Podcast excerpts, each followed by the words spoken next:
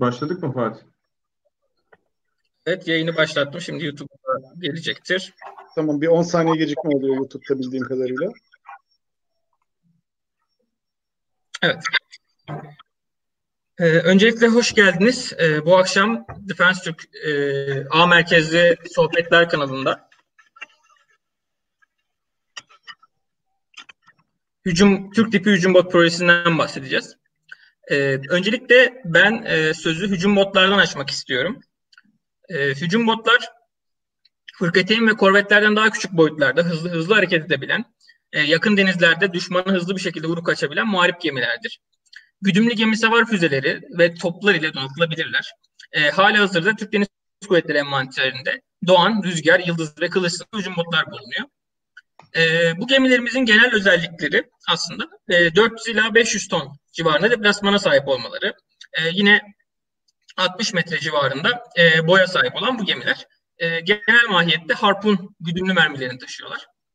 E, bununla beraber hücum modlar çok hızlı oldukları için e, sonar gibi denizaltı akustik tarama aletleri kullanmazlar. E, torpido taşımazlar. Genel olarak su üstü muharebesine yönelik tasarlanan gemilerdir. Ben e, konuyu bu şekilde açtım. E, konu gemi inşaat e, mühendisimiz. E, hocamız Kozan e, Bey bugün bize bu konuda bilgi verecek. Aynı zamanda 15 dakikalık anlatımın ardından da sizin sorularınızı cevaplayacağız. Yine e, hücum botların gelecekteki e, insansız sistemlerle olası işbirlikleri gibi konular e, ve bu bugün işte e, konuştuğumuz SIDA gibi araçlarla ortak neler yapabilir? Bu tarz farklı fikirleri de e, özellikle insansız tarafını da e, Kadir'le ve Kozan Hocam'la beraber müşterek bir şekilde değerlendirmeye çalışacağız. E, hocam isterseniz siz başlayın. E, söz sizde buyurun. Merhabalar, ben Kozan Selçuk Erkan, e, gemi inşaat mühendisiyim. E, hücum botlarla ilgili bugün konuşacağız. E, öncelikle bir hücum botların e, tarihçesinden başlayarak gidelim. Neden hücum bota bir ihtiyaç duyuldu? Ona bir bakmak isteyelim. E, 1890'ların sonunda artık buhar gücünün iyice oturmasıyla beraber çok büyük kapital gemi tabir ettikleri yabancıların zırhlılar yani ana muharebe gemisi olan e, büyük gemilere muhar, e, müdahale edebilecek küçük bir maliyet etkin sistem arayışına girdiler. Bu zamanda da gelişen e, ilk e, büyük çaplı e, patlayıcı taşıyan fakat toptan atılmayan şey torpido oldu. Torpidonun olmasıyla beraber dediler ki daha denizaltılar gelişme aşamasında çok kısa menzilleri var, çok yavaşlar, e, su altında gidemiyorlar veya çok az kalıp tekrar çıkıyorlar şeklinde bir durumda oldukları için bunları hızla götürecek e, hücum botla e, büyük gemilerin e, topçu menzilinin içinde bile kalsa o kadar hızlı hareket edip manevra edebilecekler ki güdüm e, torpidolarını bıraktıkları zaman e, vurulmadan tekrar kaçabilecek teknelere ihtiyaç duymaya başladılar ve ilk olarak torpido botlardı. Birinci Dünya Savaşı'nda e, gayet başarılı sonuçlar aldı bu torpido botlar. E, ardından İkinci Dünya Savaşı'nda iyice gelişerek kullanıldılar. Bunlarla ilgili fotoğraflarımız vardı. Eğer gösterebiliyorsak koyarız. Gösteremiyorsak da sorun değil. E, torpido botlar e, böylece 1940'ların sonuna kadar başarılı bir biçimde kullanıldı. Fakat torpido botlara karşılık olarak destroyer tabir ettiğimiz ana muharebe gemilerinden daha küçük, dreadnoughtlardan ve e, zırhlı ana büyük gemilerden daha küçük, daha hızlı, top mi, e, miktarı daha fazla, daha aktif gemiler ortaya çıktı e, bunların ana amacı hücum bot avcısı olmaktı. Hücum bot avcısı olurken e, görevlerinin e, yanı sıra diğer işte destek amaçlarını da sağladılar. Fakat e, İkinci Dünya Savaşı sonuna gelindiğinde hücum bot avlamakta artık gayet başarılı bir duruma gelmişlerdi. Böylece hücum botlar yakın menzilden torpido atarak e, görev başarabilme ihtimalleri azalmaya başladı. Fakat 1950'lerin sonunda e, çok farklı bir mühimmat ortaya çıktı. Güdümlenebilir füze. Bu mühimmatın ortaya çıkmasıyla bir anda tekrar şu anda yanında gördüğünüz Almanların efsane E sınıfı hücum botudur. E, hücum botu diyorum, torpido botudur. E, 40 notların üzerine çıkabilen, e, ağır deniz şartlarında dahi kullanılabilen bir şeydir. Özellikle bu fotoğrafı seçtim. Çünkü bu fotoğrafın çok benzeri, daha gelişmiş, e, hücum bota dönüşmüş olan versiyonu biz de donanmamızda kullandık. O yüzden bu fotoğrafı özellikle koymamın sebebi odur. E, Ruslar e, Batılıların gemileri karşısında etkisiz kalacaklarından korktular. Çünkü onlar kadar büyük donanmalara ne sahip olabiliyorlardı ne de o kadar hızlı bir gemi inşa programları vardı. Fakat ellerinde istedikleri kadar üretebilecekleri güdümlü e, füzeleri vardı. Bunun üzerine onlar dediler ki biz güdümlü füzelerimizi çok küçük çok hızlı botlara koyalım ve e, bunlarla büyük gemilere karşı saldırı düzenleme imkanımız olsun ve bu sayede de Komar sınıfı çıktı. Komar sınıfı e, iki tane e, güdümlü mermi taşıyan başında da çok basit bir hava savunma sistemi olan yani bildiğiniz manuel 37 milimetrelik topu olan bir sistemdi. Bunun ardından Ruslar dediler ki ya bu sistem çok güzel ama 2 25 metrelik bir tekneydi. Dediler ki bunun daha güçlü bir versiyonunu yapalım. Bunun üzerine Ruslar hemen gene OSA sınıfı tabi edilen yine çok küçük, çok hızlı, manevra kabiliyeti çok yüksek. Dört tane güdüm taşıyabilen e, gemiler yaptılar. Bunlara bir de basit e, kendini yakın menzilden koruyabilen e, daha sonraki yıllarda şeyler eklediler. E, hava savunma e, namluları eklediler. OSA sınıfının özelliği tam ruhuna uygun yapılmıştır. Komar sınıfından 180 adet yapıldı. OSA sınıfından 400'ün üzerinde yapıldı. Sadece Sovyetler tarafından.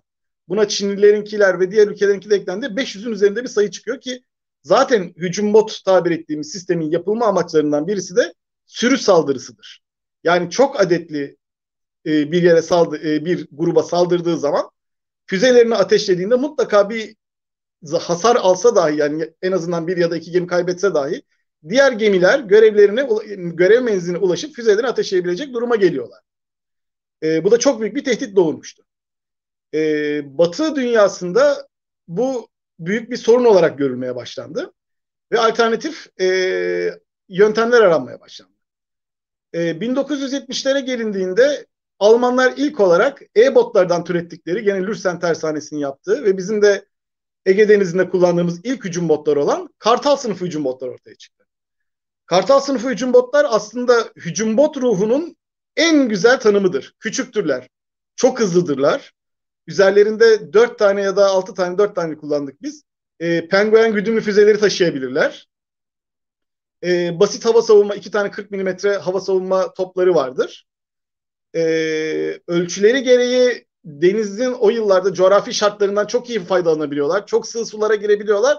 Bildiğiniz hani kıyıya kayalığa bordalayıp bekleyebilecek kadar pusu kurabilecek kadar e, küçük ve satığa yakın oldukları için de görünmez teknelerdi. Hani hayalet değildiler ama hayalet olabilecek kadar küçük teknelerdi.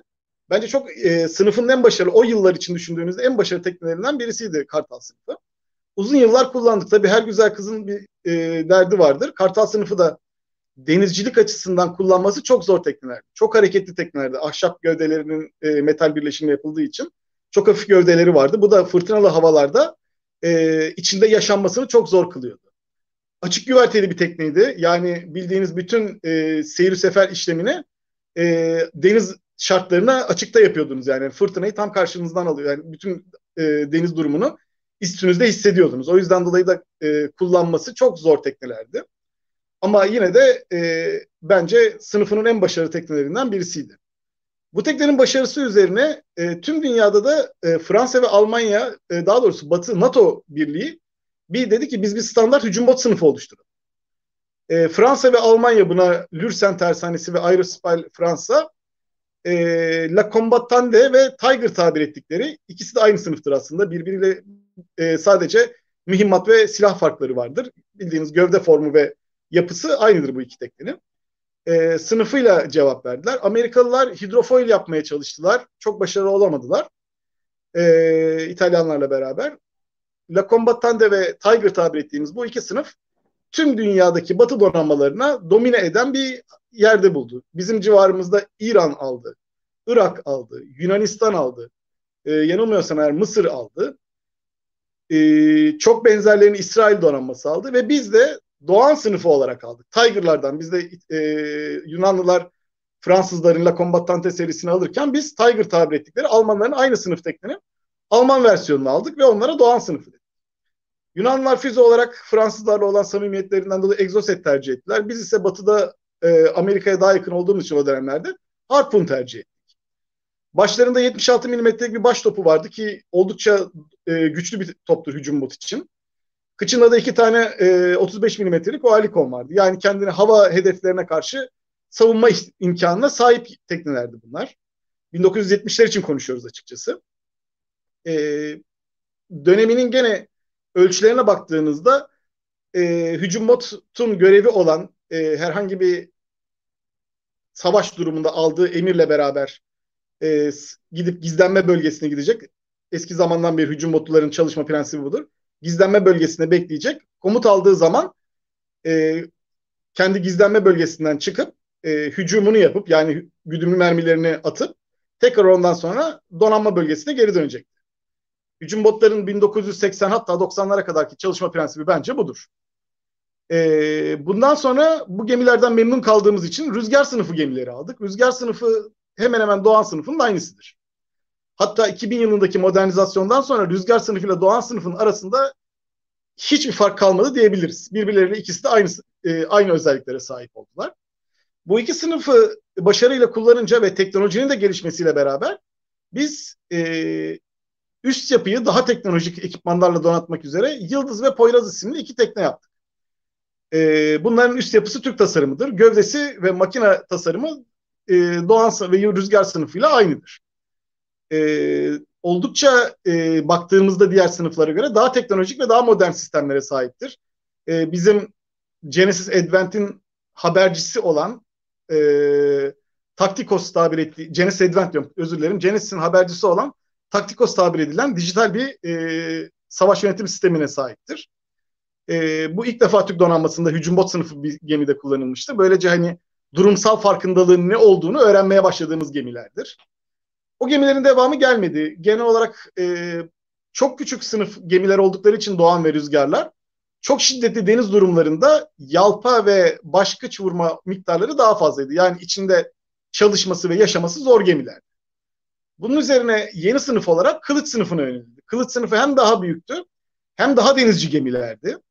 Ee, beş şiddeti deniz durumunda yani ciddi bir fırtına durumunda dahi operasyonel olarak görev yapabilmekteydiler ki menzilleri daha uzundu. Biz bunları e, hücum bot haricinde görevlerde de kullanabilmeye başladık. E, bundan sonra da Türk tipi hücum bot oluşturmaya başladık. Neden? Çünkü Doğan sınıfı 43 yaşına geldi. E, 40 evet 43 yaşlarına geldiler. Rüzgar sınıfı 37 yaşına geldiler. Elimizde değiştirmemiz gereken 8 tane hücum bot var. Bu hücum botlar yerine yeni bir sınıf hücum bot yapmaya karar verdik. İsterler yayınlandı. İsterlere baktığımızda e, gayet aslında isterler teknolojiye uygun isterlerdi. Fakat e, beklenmedik bir hız isteğinde bulundu. 55 not as diye bir hız isteğinde bulundu. Beklenmedik derken şöyle. Dünyada hücum bot sınıfındaki türbinli ya da pervaneli sınıflardaki teknelerde ortalama sürat 37 notla 44 not arasındadır. Yani pervaneli hücum botlar e, 37 not üst sürat verirken türbin motorlu e, hücum botlar 44 not civarında bir hız verir. Biz 55 not istedik. Neden 55 not istedik? E, amacımız belirli bölgelerden hızla çıkıp güvenli operasyonel bölgelere daha çabuk ulaşma, riski azaltma amaçlı. Ama 55 not istediğiniz zaman e, bir imkansız değil ama şu anda kayıcı gövde formunda açık denizlerde görev yapabilecek 55 not üzerinde tekne sayısı yok. Birdir. O bir tane de e, Atlantik Okyanusu'nu en hızlı şekilde açmak için mavi e, kurdeleyi alabilmek için yapılmış Destiero diye bir özel yattır. E, o da 65 not yapıyor. E, dünyada onun haricinde operasyon olarak savaş gemisi hemen hemen bulunmamaktadır. Öyle diyeyim. Çok özel bir iki tane istisna haricinde. Onlar da zaten deneysel gemilerdir. Yani bizdeki gibi böyle sınıf oluşturacak, operasyonel tam yüklü görev yapacak gemiler değillerdir. O yüzden de çok radikal bir istekte bulunduk. Bu imkansız mı? Hayır imkansız değil. Ama bu çok pahalı bir yöntem. Çünkü o zaman siz bunun içine ya 3 büyük türbin ya da 6 tane küçük türbin koymak. Bu türbinleri yapan firma sayısı da bir anda ikiye iniyor. Ya Amerikalıların Lockheed Martin'in yaptığı LM serisi türbinleri almak zorundasınız veya İngiliz Rolls-Royce'un Space sınıfı türbinleri almak zorundasınız. Arada başka türbin e, yapabilen güç yok. E, bir yerlerde Ukrayna sınıfı diye bir şey söylendi ama onu ciddiye almıyoruz. E, işi bilmeyen bir sadece internetten bakıp da söyleyen kişiler tarafından kullanılıyor bunlar. Yani Wikipedia'da okunan her şeyin uygulanabilirliği yoktur. Çünkü Ukrayna türbinlerinin bir verimi çok düşüktür. E, Lockheed Martin türbinleri %46, %49 verimle çalışırken Ukrayna türbinleri %30, %32 verimle çalışırlar.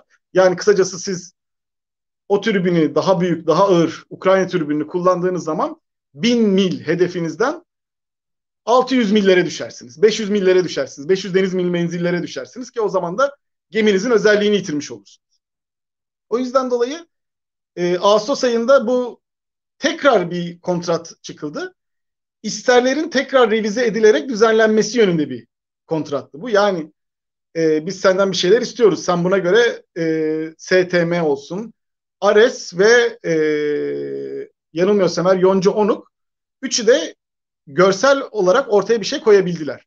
65 not süreti verebileceklerini teyit ettiler ki verebilirler. Hani e, üç firmada gerçekten hani işini bilen firmalar Ares olsun, Yonca Onuk olsun bunlar gerçekten de hani hızlı tekne konusunda dünyaya örnek olan firmalar olduğu için hani hızını yapamayacağına dair bir şüphemiz yok. Ama bu hızı maliyet etkin e, ve verimli olarak yapabilmek sorunu yaşarız. E, hıza da çok takılmayalım. Ondan sonra e, genel duruma baktığımızda e, STM'nin FAC 55 tabir ettiği, Fast Attack Craft 55 tabir ettiği 55 metrelik teknesine baktığımızda müthiş bir tekne ortaya çıkarttığını görüyoruz. Yani eğer ki yapılırsa dünyanın en iyi hücum botunu yapmış olacağız. Ama hani dünya tarihinin en iyi hücum botunu yapmış olacağız. Neden? Ee, çok süratli, çok iyi manevra yeteneğine sahip, sensör donanımı olarak dünyadaki hiçbir hücum botta olmayan sensör donanımına sahip olacak bir tekne yapacağız. Ee, buna karşılık kendini koruyabilme yeteneği de oldukça yüksek olacak. Baktığımızda başta gene 76 mm top. Ee, 8 e, Smart S radarı ki çok güçlü bir radardır. Korvetlerimizde ve fırkateynlerimizde kullandığımız bir radar. Altında gene elektronik kestirme sistemi Ares. E, onun haricinde elektronik harp muharebesi, muharebesi yapabilecek sistemler. E, keza yine elektrooptik alıcılar. Çok güçlü aydınlatma radarları. E, 8 tane atmaca ya da harpun. Ardından da arkada ilk tasarımda RAM vardı fakat herkes hani onun yerli gökdenizde değişeceğine dair bir şey içerisinde, e, düşünce içerisinde. İkisi de kullanılabilir. RAM çok pahalı bir sistemdir. RAM sadece satın alması pahalı olmadığı gibi füze sistemi de çok pahalıdır. Füzeleri deniz şartlarına karşı korumanız çok çok zordur. E, periyodik olarak bakım, her füzenin bakımı gerekir. RAM sisteminin kendisinin bakımı gerekir gibi. Çok çok çok e, pahalı bir sistemdir. Ondan dolayı alternatif gökdeniz olmasının hiçbir mahsuru yoktur. E, bu sistemlerle ilgili olarak bir güncelleme istedi Savunma Sanayi Başkanlığı. STM'de tekrar e, bunları güncelleyecek. Neden istenmiş olabilir bu güncelleme ve tasarım e, değişikliğine gidilme? Kuvvet de muhtemel maliyettir. Çünkü siz 55 not süratle yapacağınız türbin sisteminde çok ciddi maliyetlere sebep oluyorsunuz ve bu maliyetler sizin dışınızda oluşan maliyetler olacak. Çünkü Türkiye'de biz maalesef türbin motoru üretmiyoruz. Ee, Türkiye'de biz sujeti sistemi üretmiyoruz. Bunlar maalesefler. Direkt dışarıdan hazır alım gelmek zorunda bütün itiş sistemi. E, buna karşılık e, geri kalan donanımında oldukça milli bir sistem görüyoruz.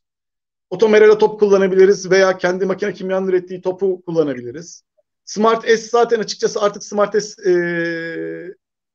tamam şeyin gözüküyor ama yani Thales'in gözüküyor ama hani e, %97'nin üzerinde yerli üretiliyor. İçindeki ekipmanlar yerli, çözümler yerli. MK2'deki elektronik e, savunma çözümleri resmi olarak açıklandığı için rahat söyleyebiliriz.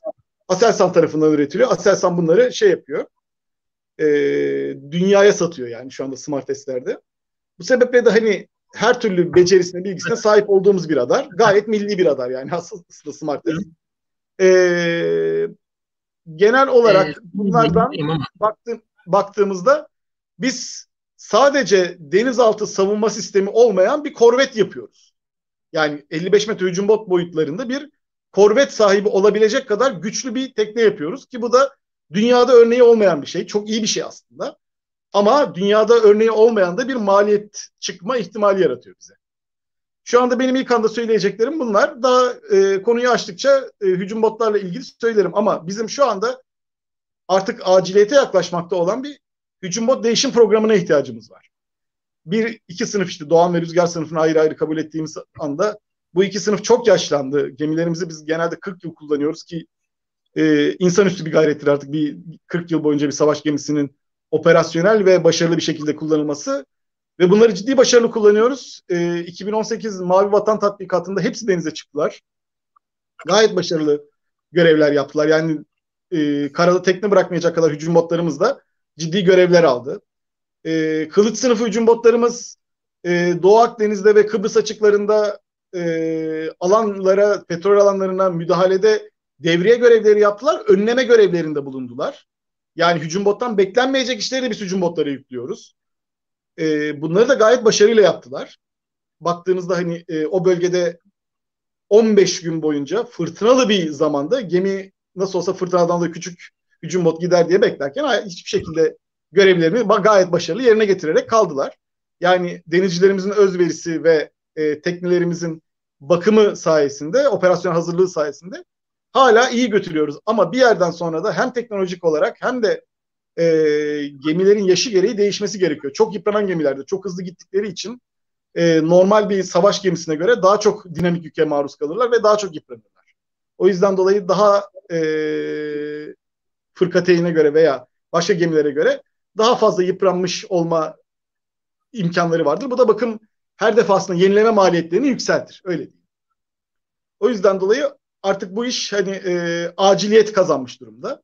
İki, istediğimiz kadar modernize etsek de 1970'lerde yapılan e, sensör ve şey sistemleri artık e, yavaş yavaş geçerliğini yitiriyor. Dikkat ederseniz Yıldız ve pardon, e, Doğan ve Rüzgar sınıflarında tepede bir kubbe vardır. Bu kubbenin içinde hem aydınlatma radarı hem tarama radarı bulunur.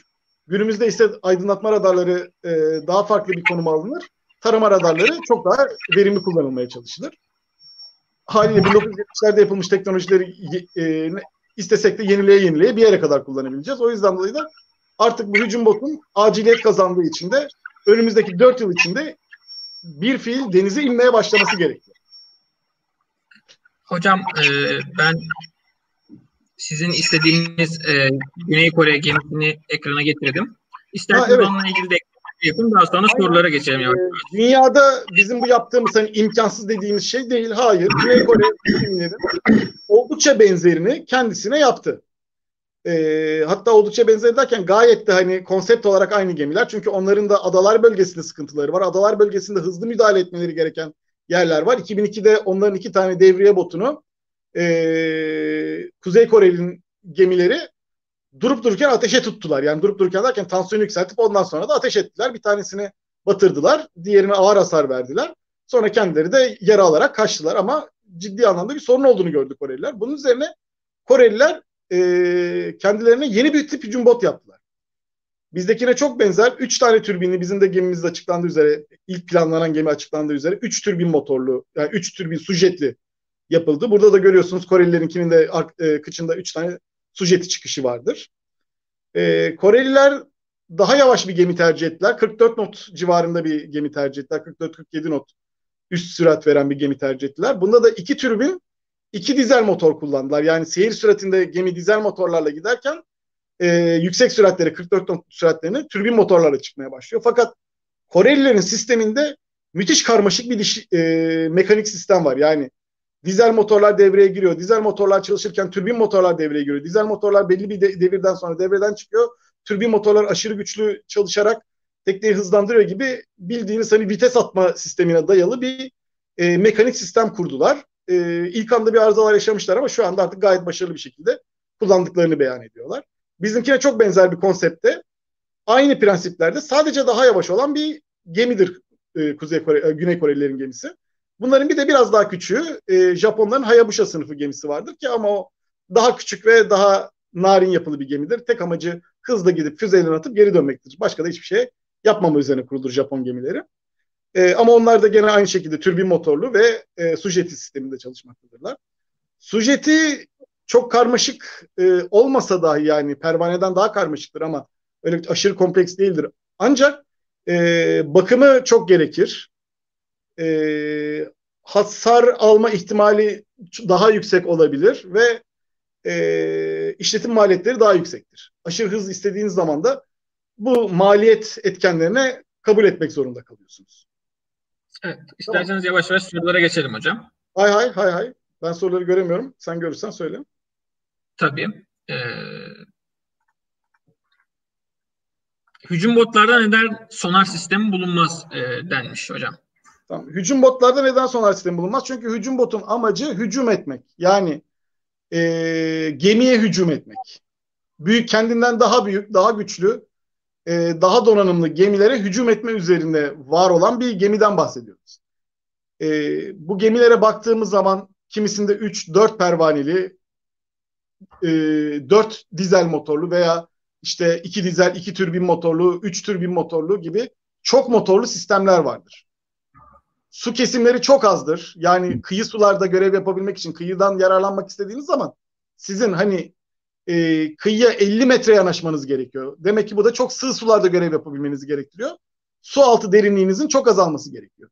Kayıcı formda bir teknesiniz. Su altı formunuzu yani çok kısa bir e, su altı kesitiniz var. Bunun altına e, herhangi bir profesyonel sonar doğumu eklediğiniz son, sonar e, kubbesi eklediğiniz zaman su altına hem hızınızdan feragat edeceksiniz hem de e, derinliğiniz artacak. Operasyon olarak görev yapamayacaksınız. Bu sebepten haricinde dört tane dizel motor, dört tane pervaneniz varsa da siz zaten süper bir gürültü kaynağısınız. Kendi gürültünüzden e, denizaltıyı duyabilmeniz çok çok zordur. Ancak hani denizaltı avcılığı yapmak için Hamina sınıfında Finlandiyalılar garip tasarımlarında ekleme yaptılar. Onda dahi e, tekne 12 deniz miline düşüyor. 12 deniz milinde türbinlerin pardon dizel motorlarının yarısını kapatıyor. Türbinlerin bir tanesini kapatıyor ya da iki türbinini kapatıyor. Tek su jetine düşüyor. Ve kıçından çekili sonar atarak dinlemeye çalışıyor. Yani çok verimli olmuyor açıkçası. Attığınız e, taşa vurma ihtimaliniz olan kuş çok çok az. O yüzden dolayı da hiçbir zaman için dünyadaki e, Finlandiya haricindeki pek çok ülke hücum botuna denizaltı savunması yapma görevi vermemektedir. Yeterince açıklayıcı oldu sanırım. Evet hocam teşekkürler. Ee, biz neden hep Smart kullanıyoruz diye bir soru gelmiş. Daha gelişmiş sistemler niye kullanmıyoruz denilmiş. Çünkü Smart bizim çok iyi bildiğimiz, çok hakim olabildiğimiz, çok becerikli olduğumuz bir sistem. Ee, süper bir sistem demiyorum çünkü günümüzde aktif radar sistemleri, aktif faz dizinli radarlar geldikçe pasif faz dizinli radarların e, çok fazla iş yapması ihtimali kalmamaktadır. E, evet şu anda biraz es- eski yani eski teknoloji tabir ettiğimiz ama asla da eski değil. Baktığınız zaman dünyada en çok satılan radarlardan birisidir. E, 230 kilometre menzillidir. E, pasif olmasına rağmen verimi iyidir. Hiç de öyle hani teknolojik olarak eski çöp bilmem ne değil. Aktif radarlara baktığınızda da aktif radarlarda da e, İsraillerin kullandığı radarlar 250 deniz milini görebilmektedir. Yani daha öte bir üstün ekstra 400 mil menzil vermemektedir. 400 mil veren aktif radar sistemleri bambaşka sistemlerdir. Onlar sadece fırkateynlerde bulunur. E, 400 kilometre İsrailler bir radarların olduğunu iddia ettiler ama e, SAR 5'teki radarlarına ve Hindistan'daki radarlarına resmi olarak 250 kilometre menzil verildi. Ondan dolayı da hani verileri daha doğru analiz etmek gerekiyor. Yani menzil olarak size bir şey katmayacak. Evet teknolojik olarak daha iyi, daha e, elektronik harbe duyarlı fakat ısrarla bu konuda Smart S'in de dünyadaki en iyi e, elektronik harbe dayanıklı radarlardan birisine dönüştürüldüğü MK2'nin üzerine eklenen modüllerle söyleniyor şu anda. E, elimizdeki şu anda yeni aktif faz dizinli radar yapana kadar maliyet etkin, bunu da ısrarla altın çizelim, maliyet etkin ve tamamen kontrolü bizde olan bir radar yapana kadar Smart S iyi bir çözüm. Yani fırkateynlerimizde de kullanıyoruz. Evet Kanadalılar da fırkateynlerinde kullanıyorlar. Kanadalıların da oldukça parası var buna baktığımızda. Ee, iyi gelişmiş ülkelerden bir sürü e, donanma hala Smart S üzerine kuruludur. Ee, o yüzden dolayı da hani Smart S evet bir yani aktif faz dizinli teknolojinin bir, bir gerisinde olabilir ama hiç de kötü bir radar değildir. Ruslar Smart S radarına sahip olsalar şu anda inim inim inletirler ortalığı. Öyle düşünün. Onların Feragat serisinden defalarca kat üstün bir radardır şu anda. Ondan dolayı da hani e, radarı o kadar şey görmeyelim. Smart S radarını o kadar da küçük ve kötü görmeyelim. Çok iyi bir radardır. E, gaz türbin konusunda isterseniz bir Kadir e, söze girsin. E, oradan Aha, tabii ki. bahsetsin. Ee, özellikle yine ekleme yapabilirsiniz, düzeltebilirsiniz hocam. Ee, bu gibi işte hem hücum botlarda hem diğer daha üst seviye gemilerde kullanılan bizim işte LM2000, LM2500 veya daha altındaki seviyelerdeki daha çok yer motoru olarak tabir edilen sistemlerin de çok ciddi zorlukları var. Bu sistemlerin özellikle işte e, bakımları, ikmallerinin yapılması vesaire gibi konularda özellikle G'nin e, çok övündüğü bir konu vardır bu konuda. E, türbinli motorlar konusunda.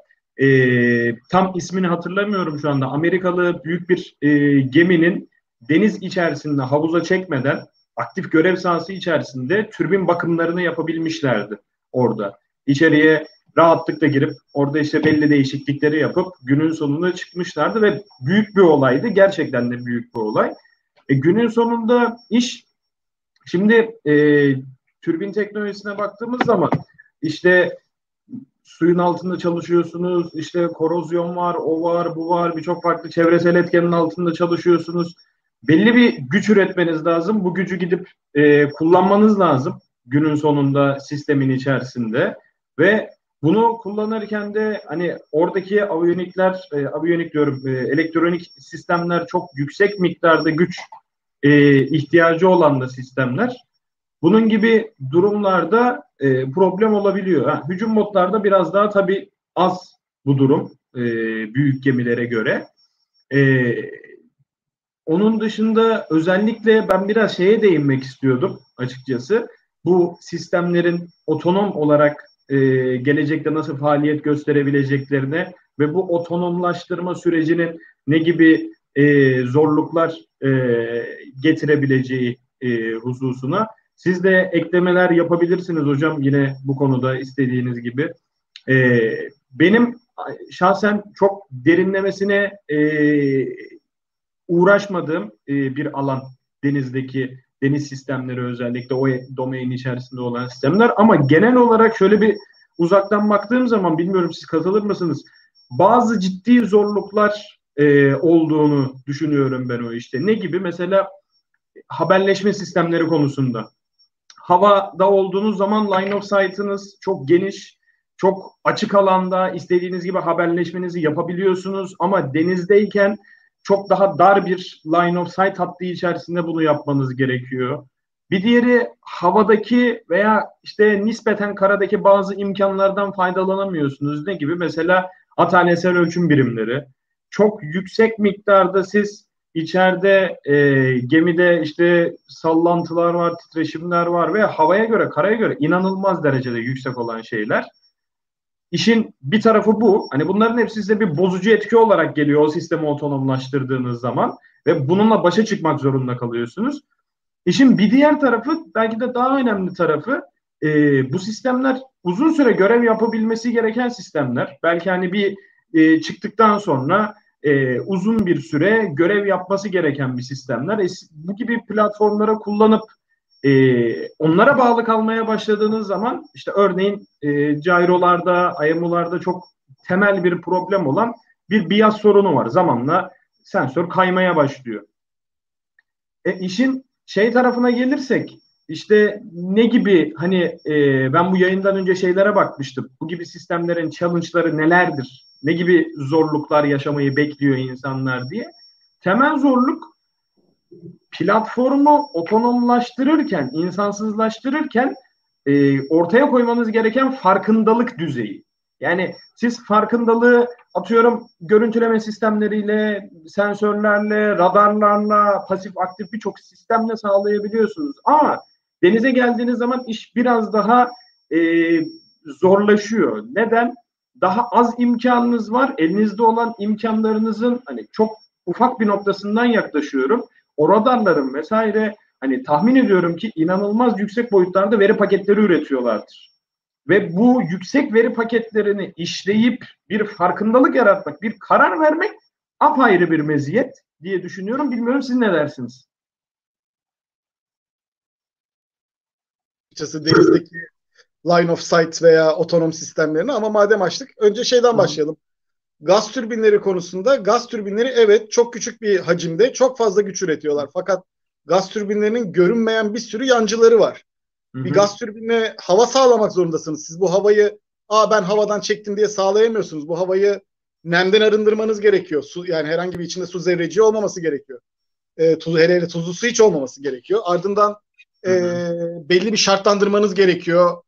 İçeriye yani filtrasyondan geçirmeniz gerekiyor herhangi bir zerrecik almaması için vesaire.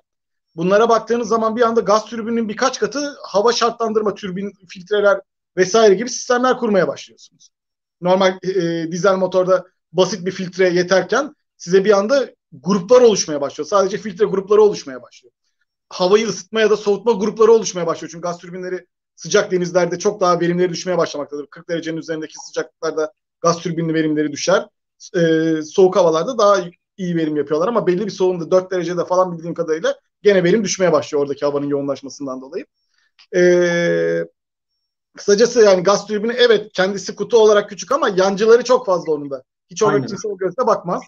Ee, aynen dediğin gibi e, LM 2500 serisi bir şeyi gemiyi karaya çekmeden değiştirdikleri için hani donanma bayram ilan etmiş kadar şeydiler. Çünkü onların da ana sistemi LM 2500'e dayanıyor. Bunu denizde başardıkları için hani dünyada bir numarayız falan şeklinde geldiler. Hı-hı. Doğru. Dünyada hakikaten öyle bir kutuyu çıkarıp tekrar yerine hassas bir biçimde yerleştirip bunun başarılı şekilde yapılması gerçekten çok büyük bir başarı. Ee, hat, bunun için e, bazen hani bizim sınıftaki gemilerde değil ama Amerikalıların bazı gemilerinde gövdeyi kesiyorlar. LM2500'leri çıkarmak için. O yüzden hani bunu denizde yapabilmiş olmak çok büyük başarı.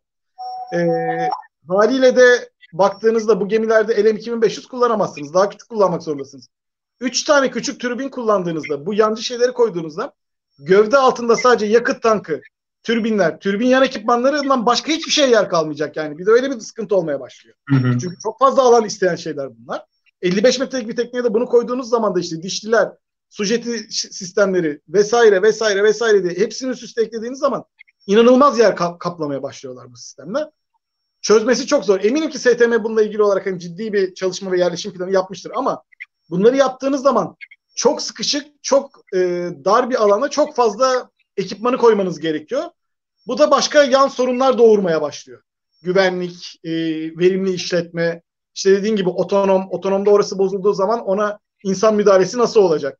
A, B sistemini söküp de mi ulaşacak oraya? Ya da hı hı. E, oradaki bir herhangi bir şeyde onu kapattığı zaman onun yerine yedek olarak ne kullanacak gibi farklı sorunlar ortaya çıkmaya başlıyor. Otonom konusunda denizciler e, hem daha hevesli hem daha muhafazakar. Yani gemi personelini otonomlaştırma konusunda çok hevesliler. Bunu biz gördük. Yavuz'dan Barbaros'a geçildiği zaman bir sürü sistemi e, Yavuz gemilerinde otonom yap, e, manuel insan tarafından yapılırken daha otomatik sistemlerin yapmasına do- doğru geçtiler. Keza gene Doğan ve Rüzgar sınıfında otonom e, manuel olarak makinacıların yaptığı pek çok iş kılıç sınıfı gemilerimizde e, hem otonom hem de e, insansız olarak yapılmak. Ama bir yere kadar deniz çünkü elektronik sevmiyor. Yani deniz suyu elektroniğin en büyük düşmanı. E, bütün deniz ekipman, denizde çalışacak elektronik ekipmanlar ömür olarak karadakinin ne kadardı? Yarısından daha az kabul ediliyorlardı bildiğim kadarıyla yani. Yüzde ellisi kadar bir ömür biçiliyor denizdeki çalışacak şey ekipmanlarına. Elektronik ekipmanlara. Yani siz denizde kullanacağınız bir İHA büyük ihtimalle 5 sene içinde ciddi anlamda yıpranmış bir İHA olacak. Sadece korozyon değil illa hani inanılmaz şeylerde çalışıyorlar. Yani nem diyorsunuz tamam e, karaya geldiğinde kuru havada o nem geçiyor. Yani havada diyelim ki gökyüzünde bir yağmurlu ortamdan geçti. O nem geçiyor. Tamam denize geldiniz kuruttunuz. Tuz e, kemirmeye başlıyor. Tuzun korozyonu da e, plastiği bile kemiren bir korozyon. O yüzden dolayı hani e, kimyasal reaksiyona girebiliyor her şeyle. Haliyle de hayatı sistemler için çok çok daha zorlaştırıyor. Özellikle görüntüleme sistemlerinde de ben çok ciddi problemler olduğunu gördüm hocam. Mesela şey konusunda çok basit bir örnek vereyim. Ee, nispeten havada bir şeyleri yaparken belli irtifalara vesaire çıktıkları zaman e, bu fog denilen işte sis olaylarından kameraların etkilenmesi, onların camların buğulanması, nem altında çalışması vesaire bir yere kadar götürebiliyorsunuz. Artık işte birçok elektrooptik kameralarda defog özellikleri oluyor. Onlara mesela ekstra yazılımlar yapıyor ama denizde çok daha ayrı bir durum var. İşin bir diğer sıkıntılı noktası stabilizasyon konusuna geldiğimiz zaman yani e, havada bakıyorsunuz işte gelen etkiler belli. Belli bir miktar akış geliyor üstüne. Belli bir miktar platformdan gelen titreşimler var. Bunları bir şekilde belli yöntemlerle kompanse edebiliyorsunuz siz. Ama denizde yani titreşimi geçtim bu işte e, Türkçe tabiri nasıl olur? Shaking dedikleri böyle bir sallanma şeklinde bozucu etki sistemin içerisine dahil olmaya başladığı zaman bunların çözümü de bir hayli zor oluyor. Ki oradaki sistemler de çok daha farklı. Ben mesela bir şeyi incelemiştim. Ee, Clear Systems'ın yaptığı bir deniz sistemleri için bir e, görüntüleme sisteminin patentine bakmıştım. Biraz daha hava sistemlerine aşinayım. Ya, inanılmaz ciddi farklılıklar var. Yani içerisindeki seal'ından tutun da en ufak kullanılan rulmanına, motoruna, onunla bununla ya bambaşka bir iş çıkartmanız gerekiyor orada. Yani deniz tarafına geçtiğimiz zaman her e, konuda bazı sıkıntılar yaşayabiliyoruz. Özellikle elektronik konularında. Evet. Şimdi e, evet o konuda ciddi anlamda işte bu da denizde maliyeti arttırıyor maalesef. Aynen öyle. E, azaltı, arttırırken maliyeti de arttırıyor. E, şimdi şeyden bahsetmek istiyorum. E, sorularda da dikkat ettim şimdi sana şey yaparken dinlerken baktım. E, deniz sistemlerinde artık konsept değişmeye başlıyor. Hı hı. Her yerde İHA ve gözetim sistemleri oluşmaya başlıyor. Eskisi gibi klasik hücum bot çıkacak, pusu atmak için gizleneceği bölgeye gidecek, orada bekleyecek şeklinde bir şeyi düşünmek artık e, çok gerçekçi olmaktan çıkıyor. Yunanistan'ın dahi elinde şu anda e, bir sürü şey olmaya başladı. İsrail'den İHA'lar kiraladılar. Amerika Birleşik Devletleri'nden Sea Guardian'lar almaya başladılar hem sar radarlı hem de e, çok iyi elektrooptikli sistemlerle sizin herhangi bir kriz anında saklanmaya çalışan geminizi ister infrared ister şey olarak bariz bir biçimde görebilecek duruma geldiler. Evet eskiden radardan görüp radar ekosu kıyıya vuruyordu. Hücum bot onun içine karışabiliyordu düşük silüetiyle ama günümüzde artık hani radar ekosuna gelene kadar e, gemilerden atılan e, gemilerden kalkan bulut altı İHA'lar çıkmaya başladı ortaya. Yani her şey size ki menzilleri de çok çok uzun bunların. Gemiden çıktığı Aynen zaman 60 kilometreden HD görüntü vermeye başladı bunlar gece gündüz. Bu sebeple de hani siz radarınızdan ziyade çok uzun menzilleri tarayabilir o duruma geldiniz. Yani artık günümüzde e, gizlenme yetisini daha az sağlayacağız. O yüzden dolayı hız istiyor zaten deniz kuvvetleri de. Yani deniz kuvvetleri de bunun farkında. E, ve çok doğru bir tasarımla ortaya çıkmışlar e, geminin hayalet tasarımı tabir ettiğimiz yani radar e, e, cross section'ın azaltılmasıyla ilgili olarak çok başarılı çalışmışlar ve bunun da herkes şey yapar. E, bordaların eğri, eğik olmasına bakar. Hayır aslında hücum bot gibi kısmen korvet gibi gemilerde ana gözüken kısım ön kısımdır. Yani siz gemiyi baştan görürsünüz. Bu baş kısımda ne kadar az e, şey varsa e, radar kesit alanı varsa siz aslında o kadar geç görülürsünüz. Borda gibi şeyler diğer daha yan etkinler çünkü direkt e, sizi e, dümdüz görmeyeceği için yanlardan göreceği için onların da radarlarda daha az görünür olması elbette ki bir tercih sayılır.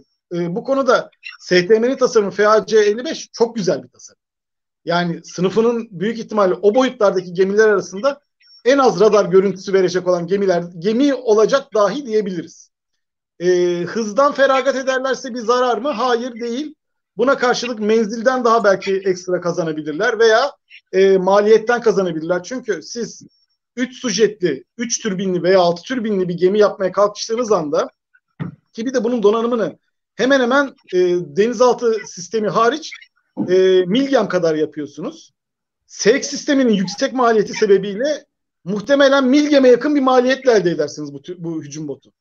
Yani bir de öyle bir durum var. Hücum botlarının özelliği çok adetli ve ucuz olmalarıdır. Yani görece daha ucuz olmaları. Fakat bu isterlerle yaptığımız anda ki inşallah yaparız hani ama e, maliyetleri milgeme yakın olacaktır. Yani milgem kadar dahi olabilir çünkü SEK sistemleri tamamen yurt dışından gelmek zorunda kalacak. E, veya lisans altında üretimde de ilk anda size gerçekten hani e, yüklü bir maliyet çıkartıyorlar lisansla ilgili olarak. O yüzden dolayı da çok maliyet etkin olur mu? İsterler bu şekilde olursa maliyeti yüksek olma ihtimali var açıkçası. Milgeme yakın hem de bir maliyet çıkar bunda. E, diğer bir sorumuz var mı? Şu an araya gireceğim. Ee, süreyi açmış bulunuyorum. Efendim? Süreyi aşmış bulunuyoruz. O yüzden soruları hızlandırılmış cevap istiyorum. Ee, Tamam. Ben rica ediyorum daha doğrusu. Tamam. Sorular neler Ee, söyler? Ee, Gökdeniz hücum bot gibi bir gemide etkili olur mu? Ee, Olur zaten bütün hücum botlarımızda gökdeniz var. Tamam, bir dakika hemen giriyorum. Gök, bütün gökte, hücum botlarımızda gökdeniz var zaten. Şu anda 35 mm çift oerlikon ahet mühimmatıyla kullandığınız anda sadece bir aydınlatma radarı koyduğunuzda zaten siz gökdeniz elde etmiş oluyorsunuz. Bu kadar net bunun cevabı. Yani hücum botlarımızın hepsinde zaten gökdeniz altyapısı var şu anda. Buna Doğan sınıfı dahi dahil. Eğer siz gidip de gök, e, gökdeniz sistemindeki aydınlatma radarını takar, ahet e, programlanabilir mühimmat sistemini kurabilirseniz zaten şu anda siz gökdenize sahip olursunuz hücum botlarınızda. O yüzden de onda sıkıntı yok. Geçelim diğer soruya bak hızlı cevap verdim. Bu çok hızlı oldu. Hocam, Yarışma sorusu gibi. O kadar hızlı değil ama sadece hızlı. Tamam. Hah, bak gayet hızlı cevap verdim. Şeye değinmek istiyorum ben. Şimdi az önce anlattığımız e, kısma baktığınızda hani ya artık bunlar pusu kuramayacaklar e, vesaire vesaire diyoruz. O zaman bu gemiler ne olacak? Zaten çok teknolojik olarak gelişmiş gemiler yapmaya başladık. Kılıç sınıfına baktığınızda hiç dikkat ettiniz mi bilmiyorum. Üç tane haberleşme uydu sistemi var. Yani az önce e, Kadir'in de belirttiği gibi çok fazla veri alıp gönderiyorlar. Hem hem çok fazla veri alıyorlar hem de el- kendi verilerini de çok fazla miktarda gönderiyorlar. İşte radar verileri olsun, diğer aldıkları Aynen. görüntü verileri olsun vesaire. Demek ki çok fazla bir tek kanalın bile yetmediği, çift kanalın gönderdiği verilere sahip olmaya çalışıyorlar. Bu da onun göstergesi. Kısacası neye dönüşecek? Benim şahsi kanaatim ve dileğim evet bu gemilerden dört tane olmalı. Bunların yanına line of sight'ın yettiği ki o da 35 ila 50 kilometreye kadar veri alabiliyorlar deniz sistemlerinde e, iyi doğru bir biçimde. O mesafelerde görev yapacak her bir bu FAC 55'in yanına e, ULAK'ın hücum bot versiyonu vardı. Bilmiyorum onun fotoğrafına sahip miyiz Fatih? ULAK'ın hücum bot versiyonu ULAK'ın- fotoğrafı varsa Tamam siz anlatmaya devam edin. Ben onun hemen Tamam. getireceğim. e, ULAK'ın hücum bot versiyonu vardı. Yani güdümlü mermi atabilen 24 metrelik e, yanılmıyorsam Ares'in 24 metrelik bir teknesi üzerine tasarlanmış bir e, 4 güdümlü mermi atabilen bir sistem vardı. Düşünsenize bir tane elinizde ana e, hücum botunuz var FAC 55. Bunun kendine ait çok güçlü bir Smart S radarı var. Bunun yanına 4 tane daha küçük e, basit kendine ait e, basit savunma sistemine sahip e, çok güçlü bir radar olmasa gerek yok. Marde gibi bir X-band radarı olursa gayet yeterli olacaktır zaten. X-band bir şey yapacağı için, veri göndereceği için. Radara sahip birbirinden 20 mik- 20 deniz mili açıkta konuşlandırılmış 4 tane tekne düşün. Çok büyük bir filo gücüne sahip olursunuz. Bir anda çok uygun maliyetli bir tane ana gemi yanında çok uygun işte evet bu fotoğraf çok e, insansız ya da en fazla bir ya da iki insanlı hani çok minimum insana sahip olan gemiler yaparsanız e, inanılmaz bir güç çarpanına ulaşırsınız. Bir anda siz e, 12 filoluk yani 12 gemilik demeyeyim ama hani 6 gemilik bir filoya sahip olmuş olursunuz. O yüzden dolayı da e, günümüz teknolojisinin ben buna dönüşeceğini düşünüyorum. İlla bunları otonom tek başına göndermek değil. Bir ana gemi eşliğinde nasıl asla tek başına otonom uçak kullanmayı düşünmüyorlar. Loyal Wingman tabir ettiğimiz Aynen. sana yancı bir kuvvet veriyorlar. Yani hani sen gene ana kuvvetin F-35, F-22 vesaire F-15 ama sana bir Loyal Wingman veriyor adam. Bu da aynı şekilde hani Loyal Seamate olabilir. İşte. Michon olabilir, şunun olabilir, bunun olabilir şeklinde bir düşünceye gidileceğine inanıyorum ve bu denizde uygulaması şöyle daha kolay. Otonom olduğu için önceden de pre sistemler yüklendiğinde hedef belli. Ana gemiden iletişim kesilse dahi ki zordur, yakınında olacağı için zordur. Ana gemiden kesilecek iletişimde dahi sana e, görevini bil- bilinçlenmiş olacağı için gidip o bölgeye füzesini atması gerektiğini bulabilecek kadar da basittir. Hani uçak gibi e, başıma bir şey gelirse işte ben şu şu, şu prosedürü uygulamalıyım gibi çok fazla da sıkıntısı olmayacaktır. Daha basit otonomdur yani onu anlatmaya çalışıyorum. Yani bu sayede çok etkin bir sistem kurabiliriz şu anda. Elimizdeki imkanlar hızla buna doğru ilerliyor ve bunu becerebilecek kapasiteye de sahibiz. Hani e, ve bu yerlilik oranında daha yüksek olur açıkçası. Aynen öyle. Kadir şimdi burada sana bir şey e, söz vermek istiyorum. Hı hı. Kısaca değinirsen bu insansız sistemlere denizde özellikle interoperability nasıl olabilir? İşte insansız deniz araçları kendi içinde nasıl haberleşebilir? Yani şöyle temel problemimiz burada aslında bizim haberleşme demin de bahsettiğim konularda. Şimdi ortalama bu gibi radar sistemlerinde e, veya işte pasif veya aktif bir şekilde durumsal farkındalık yaratacak işte sensör, ne bileyim işte görüntüleme sistemleri, radar sistemleri gibi platformlardan gelen o verilerin diğer platformlarla bir şekilde anlamlandırılıp paylaşılması gerekiyor. Yani müşterekliği siz aslında böyle kuruyorsunuz. Yani şöyle bir örnek vereyim. Birisi gidiyor bir şey görüyor. Böyle 3-4 tane arkadaş bir ormana ava çıktığınızı düşünün. Bir tanesi diyor ki beyler diyor Aa, burada diyor bir şey var diyor. Sizin o haberi almanız lazım ki ona karşı siz bir tepki üretebilirsiniz, bir şey yapabilirsiniz. Yani bilginin çok hızlı ve akıcı bir şekilde paylaşılması gerekiyor. Şimdi burada mesela senin gösterdiğin e, slayttaki fotoğrafta birçok farklı sistemin bir network yapısı üzerinden birbirleriyle haberleşebildiğini hem hava hem kara sistemleriyle haberleşebildiği bir durum gösteriliyor. Şimdi günün sonunda müştereklik istiyorsak olması gereken şey bu. Ama bunu yapmak ne kadar zordur veya kolaydır dersen bana kalırsa zor bir iş, yapılırsa büyük bir iş olur. Neden? Demin hocamın da bahsettiği gibi e, ya inanılmaz yüksek veri boyutlarından bahsediyoruz. Bir yaygın bir haberleşme yapısı için ve nispeten yüksek hızlara çıkmanız gerekebilen manevra kabiliyetinizi artırmak için nispeten yüksek hızlara çıkmanız gerekebilen e, bir haberleşme yapısından bahsediyoruz. Çok kısa bir örnek vereyim ne demek istediğim anlaşılsın. Ortalama bir ham bir şekildeki bir ISA radarından çıkan verilerin boyutu klasik yöntemlerle tek başına aktarılamayacak kadar çok veri üretiyor anlık olarak. Ki deniz sistemlerinde çok daha farklı, kimi zaman daha çok veri üretebilen, daha çok e, paket boyutuna sahip e, sistemler mevcut. Günün sonunda nereye geliyor? Müştereklik ben de hocama katılıyorum dediğine özellikle Loyal Wingman çok iyi bir örnektir. İnsanlı sistemlerle birlikte insansız sistemlerin bizim işte söylediğimiz insan makine işbirliğini yüksek seviyelere taşıyacak e, yapıların kurulması elzemdir. Gelecek buna doğru gidiyor.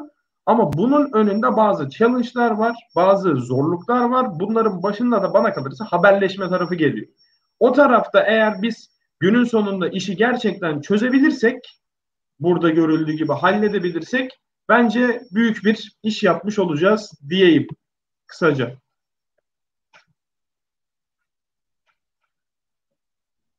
Aynen öyle. Ben sorulardan yayına ekliyorum. Bir Son sorularımızı şey hızlıca cevaplayayım. Bir şey sorusu gelmiş. E, modülerlikle ilgili bir soru gelmiş galiba. Hı hı. Evet Biz onları sırayla ben soracağım şimdi hocam. Tamam o zaman evet. senden bekliyorum. Sen soruları sor cevaplayalım beraber. Tamamdır. Ee, sırada bakıyorum. Tahmini maliyet sorusu gelmiş. Bu soruyu aslında cevapladık. Milgem ee, kadar olacak. Eğer bu şekilde mevcut, yapılırsa milgem kadar olacak. Devam Evet, mevcut isterlerle devam edilirse milgem fiyatına yaklaşabilir. Ama burada isterlerin değişmesi beklentimiz var e, sanırım hocam. Aynen, aynen, aynen, aynen. E, modülerlik sorusu. Modüler bir yapıda olduğu söylenebilir mi denilmiş STM'nin tasarımı için? Valla son yıllarda donanmamız Milgem'le beraber aslında bu konuda gayet iyi. Yani e, hatta iyi bir modülerlik konusunda çok şey e, dünyada olmayan bir beceriye sahip olmaya başladık. Neden? E, kara sistemlerini deniz sistemlerine uygulayabiliyoruz. Deniz sistemlerini kendi arasında değiştirebiliyoruz. Fransızların 100 mm topunu çıkartıp 76 mm top koyuyoruz. Kendi ürettiğimiz Marder radarını koyabiliyoruz. Yani dünyada bizim kadar herhalde başka bir şeyi başka bir şeye monte edebilen bir ülke yok.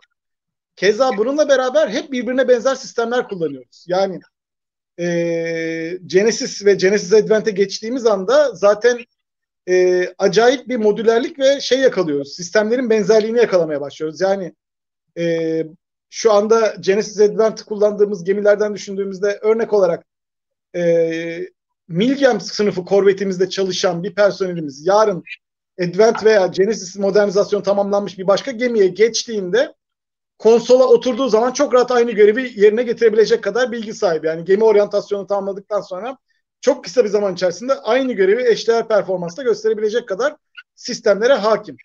doğru bir yönde gidiyoruz. Hani e, kullandığım sistemler işte az önce de belirttiğimiz gibi Smart S. Şimdi baktığımızda aklıma geldi onu da ekleyeyim dedim. Smart S radarı güçlü bir radar. Fırkateyn de sizi görmek için Smart S'e benzer bir radar kullanacak. Sizin kesit alanınız daha küçük olduğu için siz fırkateyn sizi göremeden Smart S sizin o fırkateyni görmenizi sağlayacak. Çünkü sizin kesit alanınız daha küçük. O diyecek ya buralardan bir elektronik ses geliyor nedir diye o aramaya çalışırken ki Smart S'in elektronik sinyali de çok oldukça düşüktür pasif olduğu için. Ee, siz çoktan onu belirlemiş ve belki de 220 kilometre menzilli olduğu için atmacalarınızı e, ateşlemiş olacaksınız. Bir de böyle de bir artısı var Smart S radarının. Ee, keza aynı şekilde işte bu bu sistemlerin hepsinin ortak olması ve şey olması bizde istemsiz bir modülerlik yarattı. Yani bizde Amerikalılarınki gibi işte o kutuyu sökerim yerine öbürünü takarım şeklinde modülerlikten bahsetmekten ziyade biz her şeyi her yere takabilir bir sistem kuruyoruz. İşte Barbaros modernizasyonunda gördük. Kara sistemlerinde kullanılan atıcılar bir anda deniz sistemlerinde kullanılmaya başlanıyor. Keza aynı şekilde e, başka gemilerde gördüğümüz e, ekipmanlar diğer gemilere monte edilebiliyor. Yani bizim modülerliğimiz alışılmış Alman veya Batı ekolündeki modülerlikten ziyade e, kes yapıştır şeklinde daha oryantal bir modülerliğe sahip ama daha esnek bir modülerlik, daha verimli bir modülerlik öyle söyleyeyim sana.